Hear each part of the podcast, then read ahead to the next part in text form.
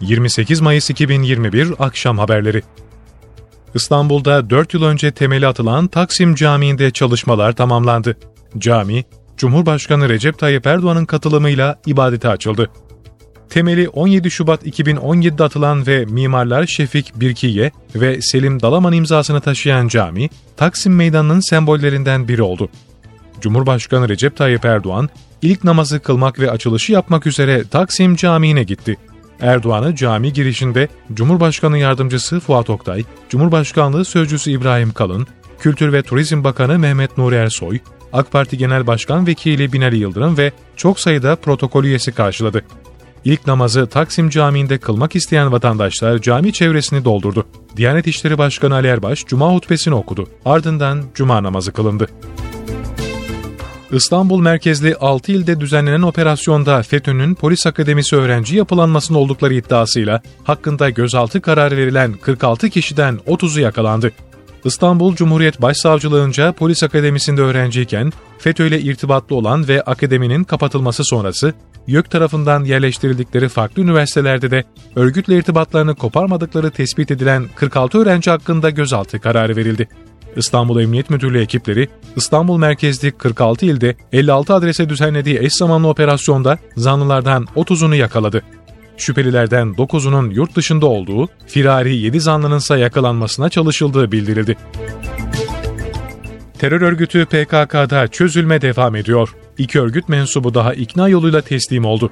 İçişleri Bakanlığı koordinesinde Jandarma Genel Komutanlığı ve Emniyet Genel Müdürlüğü'nce yürütülen ikna çalışmaları neticesinde PKK terör örgütünden kaçan iki terör örgütü mensubu daha yurda giriş yaparak güvenlik güçlerine teslim oldu.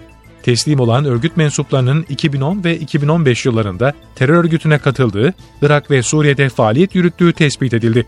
Yürütülen ikna çalışmaları sonucunda 2021 yılında teslim olan örgüt mensubu sayısı 73'e yükseldi. Sedat Peker'in elebaşı olduğu organize suç örgütüne yönelik operasyon kapsamında haklarında yakalama kararı bulunan bir şüpheli Çanakkale'de, iki şüpheli de İstanbul'da yakalandı. Emniyet birimleri organize suç örgütü soruşturması kapsamında aranan 3 kişinin adresini tespit etti. İstanbul Emniyet Müdürlüğü'ne bağlı ekipler Çanakkale'de lüks bir villaya operasyon gerçekleştirdi. Örgütte kilit rol oynayan AS yakalandı. İstanbul'daki operasyonda ise UB ve UG gözaltına alındı. Yakalananlar ifadeleri alınmak üzere İstanbul Emniyet Müdürlüğü'ne götürüldü. İstanbul Anadolu Cumhuriyet Başsavcılığı, Sedat Peker'in elebaşı olduğu organize suç örgütüne yönelik soruşturma kapsamında 63 kişi hakkında gözaltı kararı almıştı. 9 Nisan'da 7 ildeki 121 adrese yapılan operasyonda 54 kişi gözaltına alınmıştı. Azerbaycan'da Cumhuriyet'in ilan edilmesinin 103. yılı dolayısıyla Fatih Sultan Mehmet ve Yavuz Sultan Selim köprüleri Azerbaycan bayrağının renkleriyle ışıklandırıldı. Önemli günlerde renk ve ışık gösterileriyle aydınlatılan köprüler, bu kez Azerbaycan'da Cumhuriyet'in ilanının 103. yıl dönümü dolayısıyla kutlanan Cumhuriyet Günü kapsamında kardeş ülkenin bayrağının renklerine büründü. Kırmızı, mavi ve yeşil renklerle aydınlatılan Fatih Sultan Mehmet Köprüsü Beykoz'dan görüntülendi. Aydınlatma sabah saatlerine kadar sürdü. Ukrayna hükümeti Belarus'a kayıtlı uçaklar için hava sahasını 29 Mayıs'tan itibaren kapatma kararı aldı.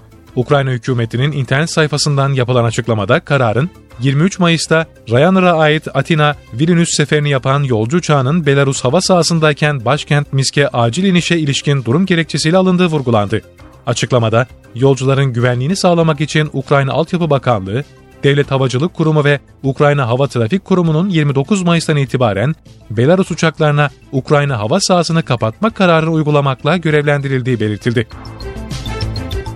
Birleşmiş Milletler Kongo Demokratik Cumhuriyeti'ndeki yanardağ patlaması sonrası 4000 kişinin evini terk etmiş olabileceği uyarısını yaparak acil yardım çağrısında bulundu. Patlama sonrası 32 kişinin hayatını kaybettiği ve 40 kişinin kayıp olduğu ifade edilen açıklamada, lavların vurduğu Goma şehrindeki tahliye kararının uygun olduğu değerlendirilmesi yapıldı.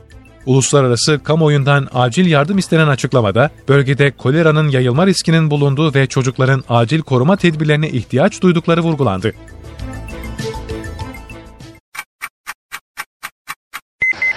28 Mayıs 2021 akşam haberleri